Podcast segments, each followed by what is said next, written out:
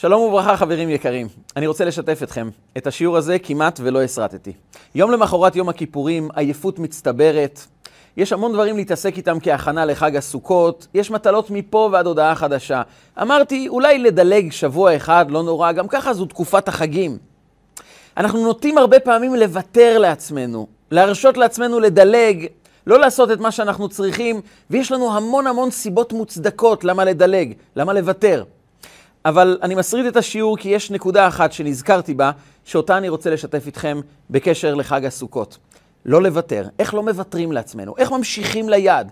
איך מוציאים מתוכנו את הפוטנציאל הגדול שיש בתוכנו? ויש בכל אחד ואחד מאיתנו עוצמות גדולות. את העוצמות האלו אנחנו מגלים הרבה פעמים ביום הכיפורים. ברגעים הקדושים של היום הזה, פורצת מתוכנו פתאום תודעה שאנחנו עמוקים יותר, טהורים יותר, קדושים יותר. וביחד עם זה מתעוררת לה שאלה, למה אני לא מצליח לחוות את זה בחיי היום-יום? מה מונע מאיתי, ממנו, מאיתנו, כולנו, להיות מי שאנחנו ביום הכיפורים, קדושים יותר, עמוקים יותר, טהורים יותר? למה אנחנו לא מצליחים לחוות את זה במשך כל השנה? איך מגשרים על הפער בין יום הכיפורים לימות השנה? איך מושכים איתנו את ההתעלות הגדולה של ראש השנה, עשרת ימי תשובה, יום הכיפורים, אל החיים שלנו? ובדיוק בשביל זה בא חג הסוכות.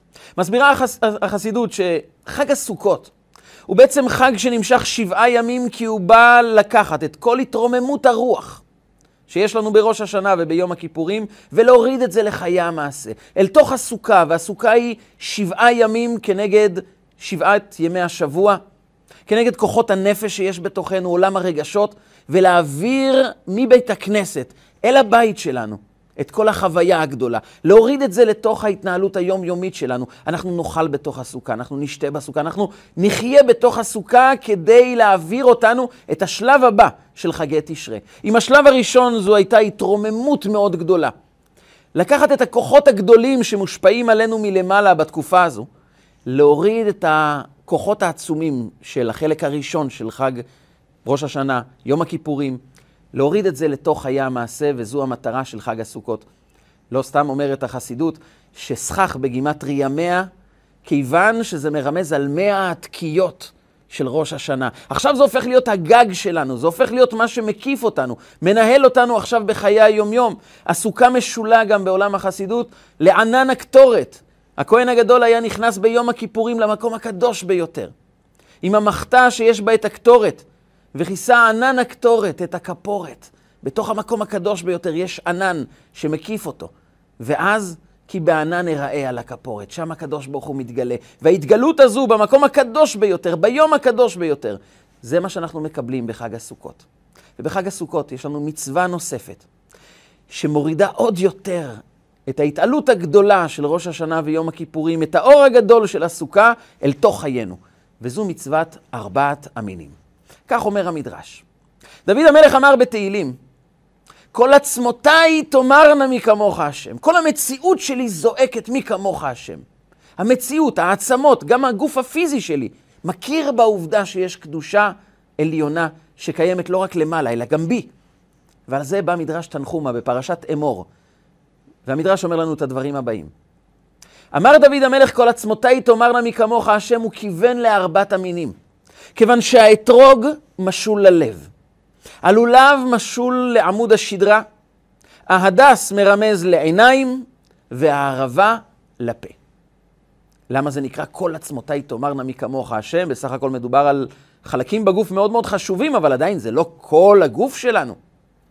אלא בעומק, אם אנחנו נביט על הלב שלנו, על עמוד השדרה, על העיניים ועל הפה, אנחנו נוכל לקבל מסרים חשובים שיכולים להשפיע על כל המציאות שלנו. וכדי להבין מה זה באמת לב, מה זה באמת עמוד השדרה, מה המסר שקיים בתוכו, מה זה מבט נכון בחיים, מה זה עיניים נכונות, מדויקות, אמיתיות, מה זה פה שמדבר את מה שצריך לדבר. אם אנחנו נבחין בארבעת המרכיבים האלו ונתנהג איתם כמו שצריך, זה ישפיע על כל המציאות שלנו. וזה סודם של ארבעת המינים. אבל יש עוד דבר. ארבעת המינים גם אומר ב... עוד מדרש, שזה מרמז על ארבע סוגי אנשים. האתרוג מרמז על אברהם אבינו, נכון? יש את ארבעת הסוגים של אנשים שיש בהם גם תורה וגם מצוות, אה, ויש אנשים שאין להם את זה, זה ארבעת הסוגים של אתרוג, לולב, הדס וערבה. כאן נדבר על אישיות שנמצאת באתרוג, שזה אברהם אבינו. יש את הלולב, שזה יצחק. יש את ההדס, שזה יעקב, והערבה זה יוסף. וכנראה שהדברים קשורים יחד. אברהם אבינו לא סתם הוא האתרוג, הוא קשור דווקא ללב. יצחק, שהוא מסמל את הלולב, הוא קשור לעמוד השדרה. יעקב אבינו קשור להדס, כי יש משהו במבט של יעקב שמשנה חיים. ויוסף הגיע להיות מי שהוא מתוך המעמקים שבהם הוא היה, מתוך המקומות הנמוכים ביותר שהוא היה שקוע בהם, בכוח הדיבור, הערבה. הוא יצא והגיע להיות משנה למלך, להיות האדם שמפרנס את כל הציבור, את כל האנושות בעצם, באותה שעה. כאן אנחנו רוצים להעמיק בארבעת המסרים שיש לארבעת המינים לתת לנו, כדי שנהפוך להיות הגרסה הנכונה שלנו, כדי שנוכל להיות מי שאנחנו באמת, כדי שלא נוותר על היכולת שלנו לפרוץ ולהוציא החוצה את כל הכוחות הגדולים שנמצאים בנו. רגע לפני שנמשיך, אני אבקש מכם בקשה אישית. שתפו את השיעור, לחצו לייק, תכתבו תגובה, הרשמו כמנויים. כל לחיצה על לייק, הרשמה למנוי, יכול להביא את השיעור הזה לעוד אנשים, להעביר את המסרים האלה לעוד אנשים שזקוקים להם. זה יכול לקדם את התורה ואת המסרים האלו להרבה יותר אנשים, אז בלחיצה אחת אנחנו יכולים לעזור לעוד אנשים. בואו נעשה את זה. ניכנס לדבר הראשון. אתרוג זה אברהם אבינו. כאן הדבר המפתיע הבא שהמדרש אומר לנו. מה הקשר בין אברהם אבינו לבין אתרוג? כך אומר המדרש. על אברהם אבינו נאמר, ואברהם זקן בא בימים. טוב, זקן בא בימים. היה מבוגר מאוד. כמובן שזקן גם מדבר על חוכמה, אבל אברהם זקן בא בימים. מה זה קשור לאתרוג? כי נאמר על זקן והדרת פני זקן. יש לנו מצווה כאשר אנחנו רואים זקן להתרומם, להדר אותו, לתת לו כבוד, לתת לו הדר. ומה זה קשור לאתרוג? כי על אתרוג נאמר פרי עץ הדר, והדר זה קשור ל"והדרת פני זקן", ועל אברהם אבינו נאמר שהוא זקן, לכן אברהם זה אתרוג. כל מי שקורא את המדרש אומר שהסיבוב הוא מדי ארוך. זה קצת נראה קשר של מילים ופחות קשר של תוכן.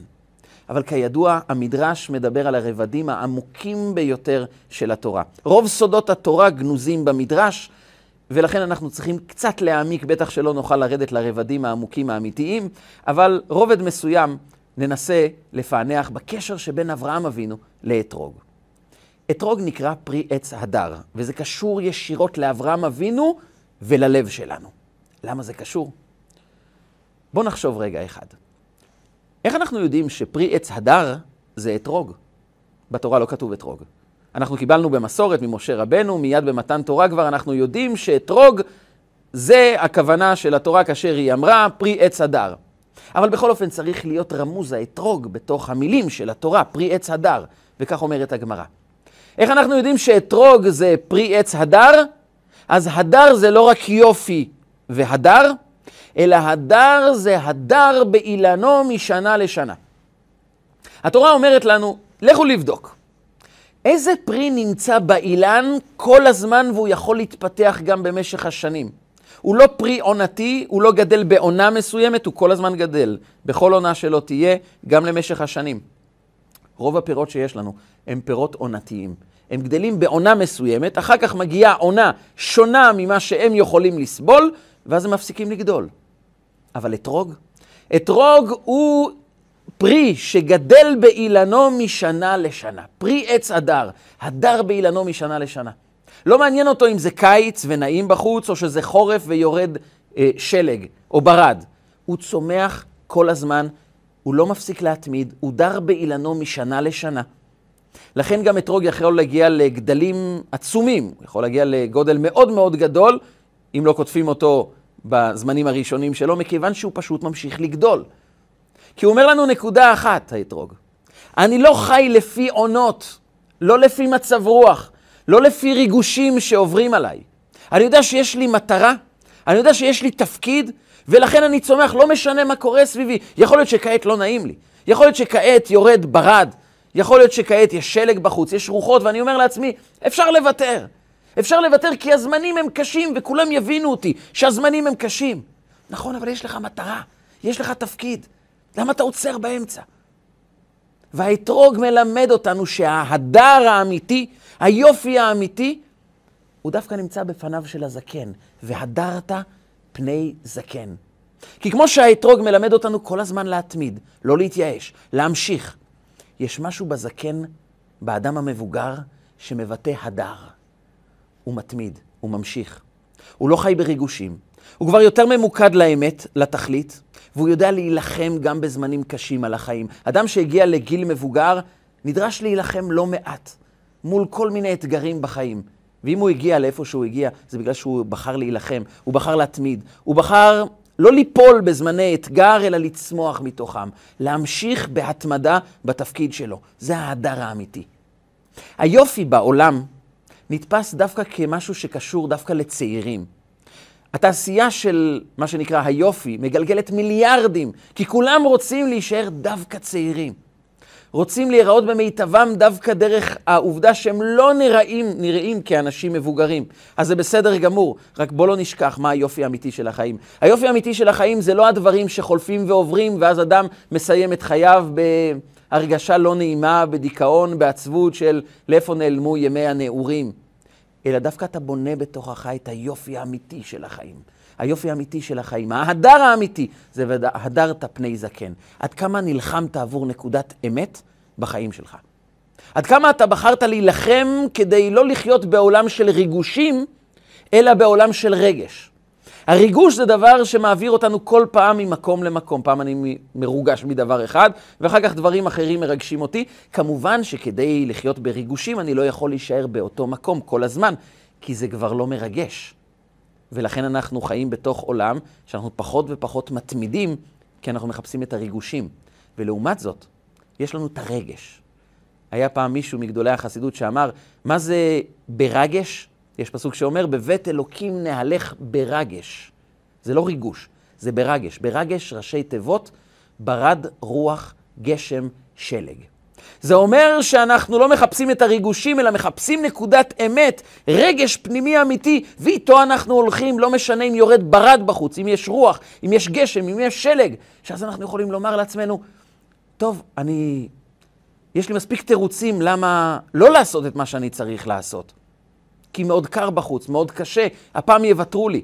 אבל אם אתה רוצה לגעת בלב שלך, תתמיד. תיקח נקודה אחת מיום הכיפורים, ותשאל את עצמך, איזו נקודת התעוררות הייתה לי ביום הכיפורים? איזה נקודה אמרתי לעצמי, זה צריך שינוי. פה אני רוצה להיות טוב יותר. התעוררו לנו המון מחשבות, המון החלטות טובות, המון כוונות רצויות וטובות. כדי להביא את ההתעלות הגדולה של יום הכיפורים, אנחנו לא נדרשים לבצע שינוי כללי בעולם. אנחנו נדרשים לקחת נקודה אחת, שעבורה אנחנו בוחרים להילחם. אני לוקח נקודה אחת שבה אני יודע שאני זקוק לשיפור, ושם אני הולך להילחם. ככל שהיא פחות גדולה, זה הרבה יותר מעשי, שאני אוכל להתמיד, להשקיע, להילחם. אבל מהרגע שאני מוצא את אותה נקודה קטנה, אני לוקח אור של יום הכיפורים ומוריד את זה לחיי המעשה, ואני אומר, על זה אני נלחם, יום-יום, שעה-שעה. על זה אני לא מוותר. כשאתה לוקח נקודה אחת מתוך עומק הנפש שאותה חווינו, ביום הכיפורים, אני בעצם גורם ללב שלי להתחיל להתעורר. כי לב מתעורר מתוך התמדה והשקעה, תוך מאמץ, תוך מלחמה על הרגש האמיתי שלא משנה כמה קשה. על הנקודה הזו אני שומר. ואז הלב שלנו פשוט מתעורר. אז אני נוגע בלב. אז הלב שלנו פשוט יכול להתחבר למסרים, כי לא עשיתי את זה תוך כדי ריגוש, לא עשיתי את זה בגלל שהאווירה הייתה כזו, אלא כי אני נלחם על זה. וכשאני נלחם על זה, זה הופך להיות חלק ממני. ואז הנקודה הקטנה, מאירה לב שלם. הלב שלנו מתחיל להתעורר. זה היה אברהם אבינו. על אברהם אבינו נאמר, ואברהם זקן בה בימים, שהדרו הקדוש ברוך הוא בשיבה טובה, אומר המדרש. אברהם אבינו גילה את ההדר האמיתי. אברהם אבינו נדרש להילחם עבור האמונה שלו מול משפחה עובדת אלילים, מול ציבור שלם שמכיר רק עבודה זרה, מול מלך בשם נמרוד שמוכן לשלוח אותו לכבשן האש. אברהם אבינו נלחם נגד כל העולם. אבל מהרגע שהוא גילה נקודת אמת, וילך אברהם הלוך ונסוע הנגבה. הוא לא הפסיק לנסוע, הוא תמיד המשיך. זה לא משנה, אפשר לזרוק אותו ממקומו לגלות, לך לך מארצך. הוא מגיע לארץ ישראל ויש רעב, ובמצרים חוטפים את אשתו, והוא סובל במשך כל חייו מעשרה ניסיונות קשים. את האמת, הוא לא ויתר עליה. על האמת הוא לא הסכים לוותר, הוא תמיד המשיך. וההתמדה הזו היא הזקנה המיוחדת של והדרת פני זקן. על זה נאמר בתורה, שהקדוש ברוך הוא פונה לאברהם ואומר לו, אני יודע שהלב שלך איתי, ומצאת את לבבו נאמן לפניך. מה גורם לקדוש ברוך הוא להבחין בזה שהלב של אברהם נמצא עם הקדוש ברוך הוא? היכולת להתמיד כל הזמן עם אותה נקודת אמת, לא משנה כמה מאבקים יש, אבל מהרגע שלקחתי את נקודת האמת עבור גילוי הלב שלי, עבור זה שאני רוצה שהגרסה האמיתית שלי, שהעומק של הנפש שלי לא יהיה נסתר וגנוז רק לימים מיוחדים של ראש השנה ויום הכיפורים. אני רוצה לחיות עם זה, אני רוצה להרגיש את זה, אני רוצה שזה יהיה חלק ממני. אז קח נקודה אחת מיום הכיפורים ותילחם עליה. זה נקרא הדר אמיתי. הדר באילנו משנה לשנה, ההתמדה, היכולת שלנו להשקיע בדבר, היכולת שלנו לא לוותר גם בזמנים קשים, כמו האתרוג. הוא אומר, נכון, עכשיו יורד ברד בחוץ, אני ממשיך לגדול, אני ממשיך עם האמת שלי, אני ממשיך עם נקודת האמת שגיליתי אותה ביום הכיפורים משנה לשנה. לכן גם אנחנו אומרים, באחד מהאירועים המרגשים שיש לנו, בסיום מסכת, אדם שמסיים מסכת, מסיים חלק מתורה שבעל פה, עושה סעודה לחבריו, זה נקרא יום טוב. זה נקרא יום מיוחד שבו חלק שלם מתורה שבעל פה סיימנו. לדוגמה, אדם שסיים מסכת שבת, עושה חגיגה לחבריו ומסיים את המסכת, ושם יש לנו כמה משפטים שאדם אומר כשהוא מסיים את המסכת. ומתחיל, המשפט הראשון שהוא מתחיל איתו, זה המשפט הבא. הדרן הלך, דעתן הלך. אני אחזור עלייך מסכת שבת. הדרן הלך מסכת שבת, ודעתן הלך, והדעת שלי היא עלייך. מה זה הדרן הלך? אני אחזור. אני לא נוטש את מסכת שבת. זהו, למדתי אותה, אז אני יכול להתקדם הלאה? לא, אני אחזור אחריה, כי אני למדתי אותה, אבל היא גם לימדה אותי משהו, שרק אם אני אחזור על זה יום-יום, זה יהפוך להיות חלק ממני. אני מבטיח לא לנטוש. ההדרן זה ההדר האמיתי, ההדר האמיתי זה אל תעזוב באמצע. אל תיתן לעצמך רגעים של ויתור. למדת משהו? תחזור על זה. תשקיע בזה עוד פעם. בתקופת הגמרא היו לומדים כל דבר מאה פעמים לפחות, ועוד על זה אמרו חכמינו, אינו דומה שונה פרקו מאה פעמים לשונה פרקו מאה פעמים ואחת. תמיד תוסיף. כי כל הוספה זה לא חזרה על מה שקורה, זה הפנמה הרבה יותר עמוקה. כי דברים שאני עושה טובים, כאשר אני חוזר עליהם, כאשר אני לא מוותר עליהם, הם חודרים בתוכי ואז הלב מתחיל להתעורר. ומצאת את לבבו נאמן לפניך. כוח הדעת, מוסבר בחסידות, זה לא רק הבנה. החוכמה והבינה זה בעצם לתפוס דברים נשגבים ממני, להבין אותם, לאשורם, לעומקם, עם כל הפרטים, אבל זה עדיין לא הופך להיות חלק ממני. זה כוח הדעת. והדעת קשור להדרן הלך, דעתן הלך. כאשר אני מוכן לקחת את המסר של האתרוג. המסר של אברהם אבינו, שהוא הזקן שהדרו בשיבה. ההדר האמיתי, היופי האמיתי, זה היכולת להתמיד, להילחם. וכאן נשאל את עצמנו שאלה אחת, איזו נקודה אני לוקח מיום הכיפורים, שעליה אני עובד ומתמיד וממשיך גם בזמנים של ברגש, ברד, רוח, גשם, שלג, כאשר יש לי את הנקודה הזאת, יש לי כבר את המפתח להתחיל לעורר את הלב ולהתחבר לאור הזה, לא בגלל אווירה חיצונית, לא בגלל יום בלוח השנה, אלא בגלל שבאמת זה הפך להיות חלק ממני. וכאן נעבור לשלב הבא. יצחק אבינו ועמוד השדרה. הלולב. כשאנחנו מסתכלים מעט על סיפור חייו של יצחק, אנחנו מוצאים הרבה דברים, אבל עמוד שדרה שמבטא יציבות, עמידה, תוקף, זה קצת פחות אנחנו מוצאים אצל יצחק, לכאורה. יצחק גם בקבלה מסמל את הגבורה, ואנחנו שואלים את עצמנו, איזו גבורה יש ליצחק? הוא לא נדרש ללכת לחרן, הוא לא יצא לגלות, הוא לא עבר משברים כל כך גדולים. הוא תמיד היה בארץ ישראל, היה עשיר גדול. איפה הגבורה? איפה היציבות? עוד יותר, גם ברגע שכן יש לו איזה אתגר, זה האתגר הבא. התורה מספרת לנו שיצחק חפר באר. כשהוא סיים לחפור את הבאר, וזה באותה תקופה היה, הייתה היה דבר מאוד מאוד יקר, כאשר לאדם יש באר, יש לו מים, יש לו מקור לכסף, מקור כמובן לחיים טובים, הוא יכול לבנות אה, מקום מושב סביב הבאר, זה דבר יקר. וכאשר הוא סיים לחפור את הבאר, ויש לו כבר באר, באים עבדי אבימלך ואומרים לו, זה הבאר שלנו, תסתלק מכאן. מה היינו מצפים מאדם עם עמוד שדרה, עם תוקף, עם גבורה אמיתית? לקום, להילחם, ולומר להם, לא, אני חפרתי, זה שלי, מי אתם שתרחיקו אותי מהבאר הזו? אבל יצחק פשוט עוזב את המקום וחופר באר אחרת. והסיפור רק חוזר על עצמו. הוא הצליח למצוא מקום אחר, שוב חפר באר, וזו עבודה מאוד קשה. זה מאמצים אדירים וגילוי מיוחד שיש לך סוף סוף עוד באר. ואז באים עוד פעם עבדי אבימלך ואומרים לו, גם זה שלנו. ויצחק לא נלחם. הוא ממשיך הלאה. הוא מרחיק עוד יותר, עד למקום ששם עבדי אבימלך כבר לא מגיעים, שם הוא חופר באר, והוא אומר את הדבר הבא: כי הרחיב השם לנו ופרינו בארץ. עכשיו מצאנו את המקום שאנחנו יכולים לגדול, יכולים להתפתח, הרחיב השם לנו. הוא קרא למקום הזה רחובות. ונשאלת השאלה, למה אתה לא נלחם? למה אתה לא נאבק? למה אתה לא מראה את הכוחות שלך? ויצחק מלמד אותנו מה סוד היציבות הפנימית האמיתית, מה סודו של עמוד שדרה אמיתי. מה זה נקרא אדם עם עמוד שדרה? עמוד שדרה אמיתי זה שאני לא נלחם מול אחרים, אני לא זקוק לאישור של האחרים, ובעצם אנשים שפוגעים בי, זו ההחלטה הבלעדית שלי והבחירה בידיי, האם להיפגע או לא. פגיעה זה בעצם רק בחירה אישית שלי. האם אני מנהל את החיים מולם? האם כדי להיראות גיבור אני צריך להשיב להם מנה אחת אפיים? זו גבורה אמיתית? לבוא ולהראות להם, הנה, אני יותר חזק, אני יכול להגיב בתוקף, אני יכול להגיב בחוזקה, אני יכול להראות לכם שאני יכול גם להכות אתכם. זו גבורה אמיתית. זו חולשה, מסיבה אחת פשוטה. כי הם מנהלים אותי. יש להם את המפתח לגרום לי במה להתמקד, במה להשקיע. אני בעצם מרגיש גיבור רק אם השני מכיר בעובדה. אבל לא, אתה יכול להיות גיבור גם אם השני בכלל לא נמצא כאן באזור. גם אם הוא חושב שהוא ניצח את הקרב, אתה ניצחת את הקרב על מהות חייך. עמוד השדרה האמיתי זה אחרים לא מנהלים את חיי. אם הם פגעו בי, יכול להיות שהמקום הזה לא מתאים לי, אני הולך פשוט למקום אחר. ואם גם משם יזרקו אותי, אז אני אלך לעוד מקום. בסוף אני אמצא את תפקיד חיי. עכשיו, זה לא אומר שאדם לא נדרש אף פעם להילחם, לעתים צריך להילחם, אבל המלחמה היא אף פעם לא כדי להראות לשני.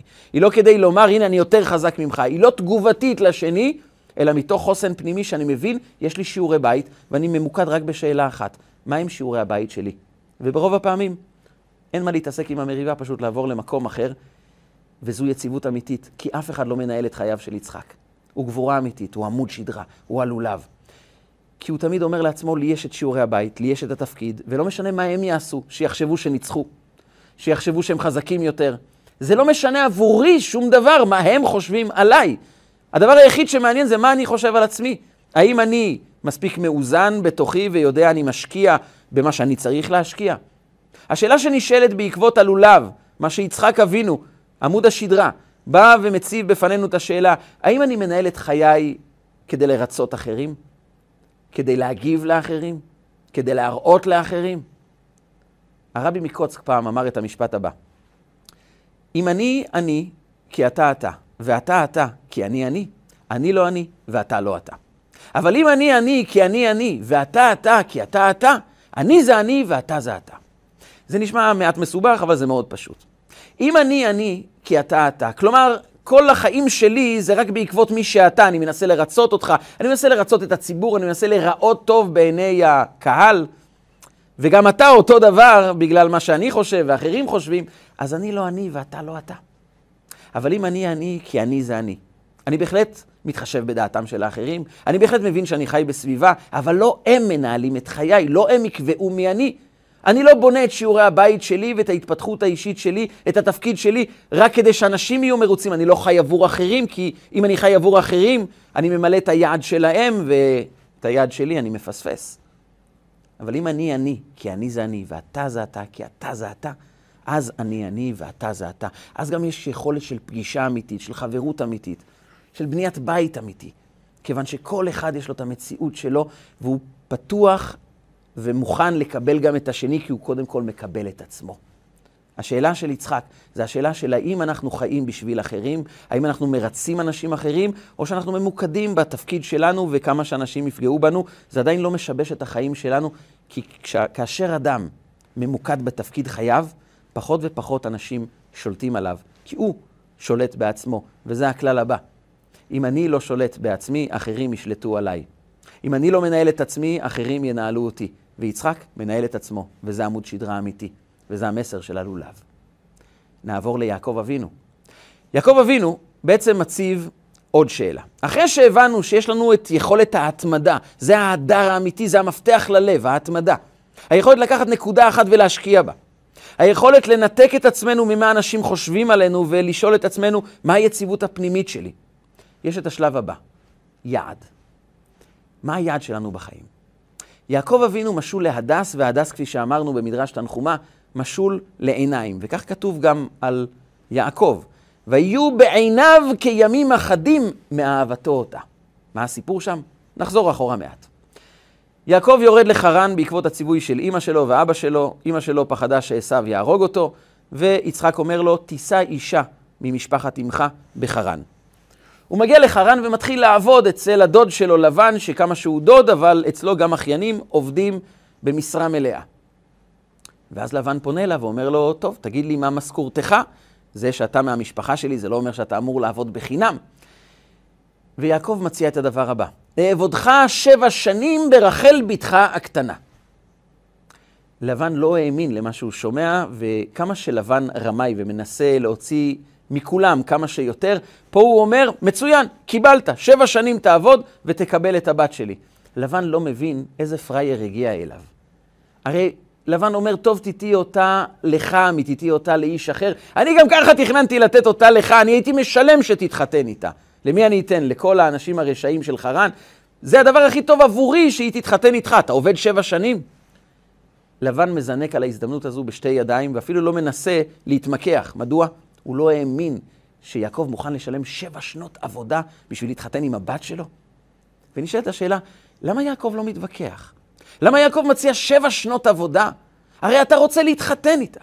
אז תציע שנה. הוא יתווכח, תעלה לשנתיים, תעלה לשלוש, בסוף תגיע גם ככה לשבע, אולי פחות, אולי יכלת להרוויח. למה הוא מציע מלכתחילה שבע שנות עבודה שגם לבן לא מאמין למשמע אוזניו? ועוד שאלה, כשהוא כבר עובד שבע שנים בשביל רחל, המשפט שהתורה אומרת לנו על יעקב, ויהיו בעיניו כימים אחדים מאהבתו אותה, הוא כל כך אוהב את רחל, לכן זה נמשך כימים אחדים? בדיוק להפך. כאשר אנחנו מצפים ומשתוקקים לקבל מתנה גדולה, כל יום שעובר זה נדמה בעינינו כנצח.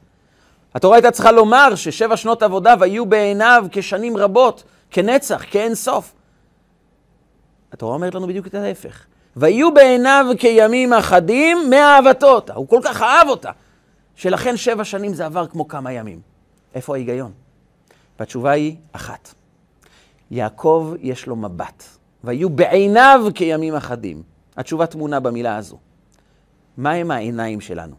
העיניים שלנו בדרך כלל ממוקדות בכאן ובעכשיו. העיניים ממוקדות לעכשווי. ולכן כאשר אני רוצה משהו עכשיו, כל דחייה היא קשה לי. אם אני צריך לקבל את זה בעוד כמה שנים, זה לא כימים אחדים, זה כמו נצח. אני רוצה את זה כאן ועכשיו, כי המבט שלי ממוקד להנאה הספציפית שלי כעת, כאן ועכשיו. איזה שריפה אני אמור לכבות? מה ייתן לי הנאה כעת? איזה בעיה אני צריך לפתור כעת? העיניים ממוקדות תמיד בכאן ובעכשיו, מה שעומד מולי. ואז אנחנו מפספסים את היעד העמוק של החיים שלנו. יעקב, היו לו עיניים אחרים. זה סוד ההדס. הוא תמיד הביט על המטרה. הוא לא רק התחתן עם רחל, כי סתם הוא עוד אדם שרוצה להתחתן עם אישה ולהקים בית כדי להרגיש טוב. הוא בונה את העם היהודי.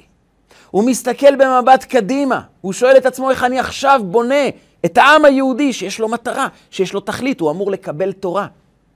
וכשהוא יקבל את התורה, הוא יקבל ביחד עם זה משימה לטהר את העולם, לזכך את העולם, לקדש את העולם, להוריד את השכינה לתוך המציאות של העולם.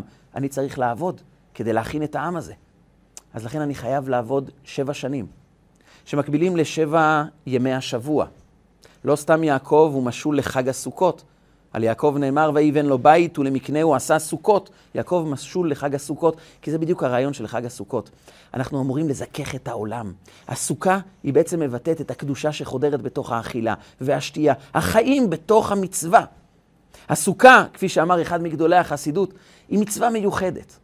היא מצווה שבאה ואומרת לנו, אם כל מצווה קשורה לחלק מסוים בגוף, כאשר אדם מניח תפילין זה על הזרוע, על הראש, המזוזה היא על הדלת, הציצית היא על החלק העליון של הגוף, הסוכה, הסוכה מקיפה את כל כולנו.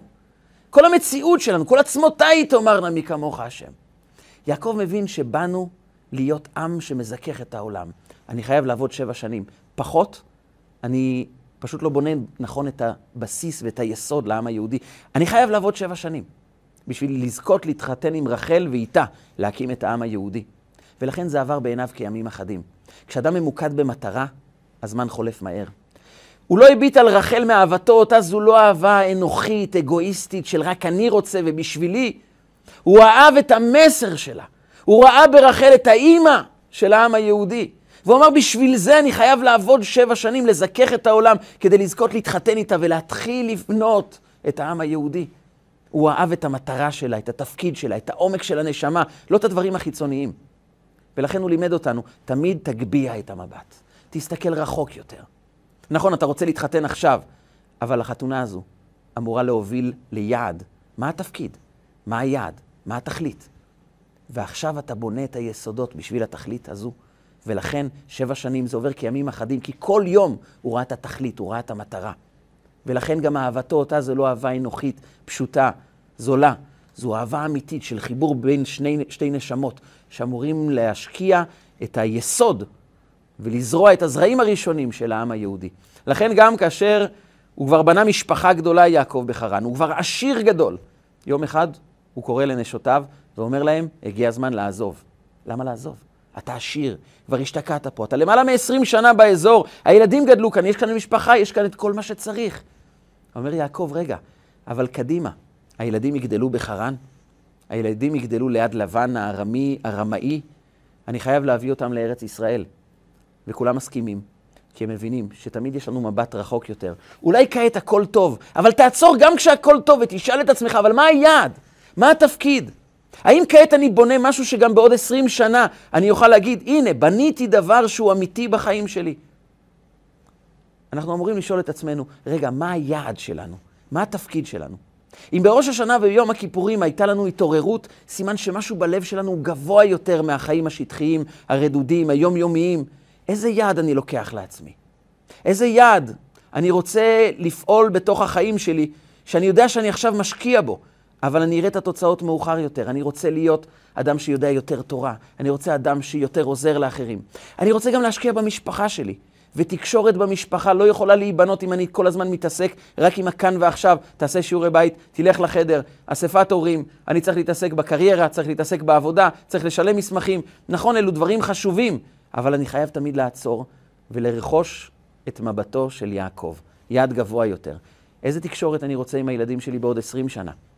איזו זוגיות אנחנו רוצים ליצור בעוד 20 שנה, כשהילדים כבר יתחתנו, כשנגיע למקומות אחרים, אז נסתכל אחורה ונגיד, למה לא השקענו כמו שצריך? למה לא קיבלנו זמן איכות? למה לא למדנו יותר? למה לא השקענו יותר בתקשורת, בדיבורים, בחוויות אישיות ביחד? הסיבה היא כי העיניים שלנו ממוקדות בכאן ועכשיו, וחג הסוכות עם ההדס מלמדים אותנו, תלמדו מיעקב. יעקב תמיד היה לו מבט רחוק יותר. נכון שאולי עכשיו זה דורש ממנו יותר השקעה, זה דורש מאיתנו הרבה יותר מאמץ. אבל כאשר יש לנו יעד, אנחנו יודעים להשקיע עכשיו, כדי שמאוחר יותר אנחנו נוכל להגיע ליעד גבוה יותר. אז השאלה שנשאלת, איזה יעד אני לוקח לעצמי להגיע בעוד שבע שנים? נכון, זה נשמע רחוק, אבל עכשיו כבר אנחנו יכולים להשקיע בקשר שלנו עם הילדים כדי לא להתעורר מדי מאוחר. להשקיע בקשר האישי שלנו עם האישה, עם הילדים, עם הבעל, עם החברה שלנו. איזה לימוד תורה אני יכול לפתח הרבה יותר גבוה בתוכי? כשאני מגביה את המבט, אני כבר מתחיל להוציא מתוכי גם פוטנציאל הרבה יותר גדול. כי העומקים שאנחנו מגיעים אליהם כאשר אנחנו מתעסקים עם דברים פשוטים, הם לא העומקים שאנחנו מגיעים אליהם כאשר יש לנו יעד גבוה יותר בחיים. זה סוד ההדס של יעקב אבינו. ונסיים עם יוסף הצדיק והערבה. יוסף הצדיק, יש לו כוח אחד שהוא לא מוותר עליו, זה כוח הדיבור. התורה מלמדת אותנו את זה כאשר הוא עבד לפוטיפר במצרים.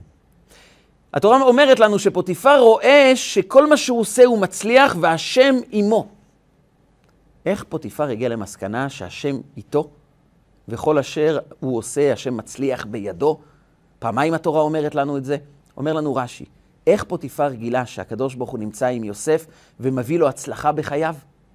מסיבה אחת, כי שם שמיים שגור בפיו. הוא כל הזמן מדבר על הקדוש ברוך הוא. הוא עבד במצרים, הוא סובל מאוד, הוא רחוק מהמשפחה, אפשר להניח שהמצב הפנימי שלו לא היה כל כך טוב.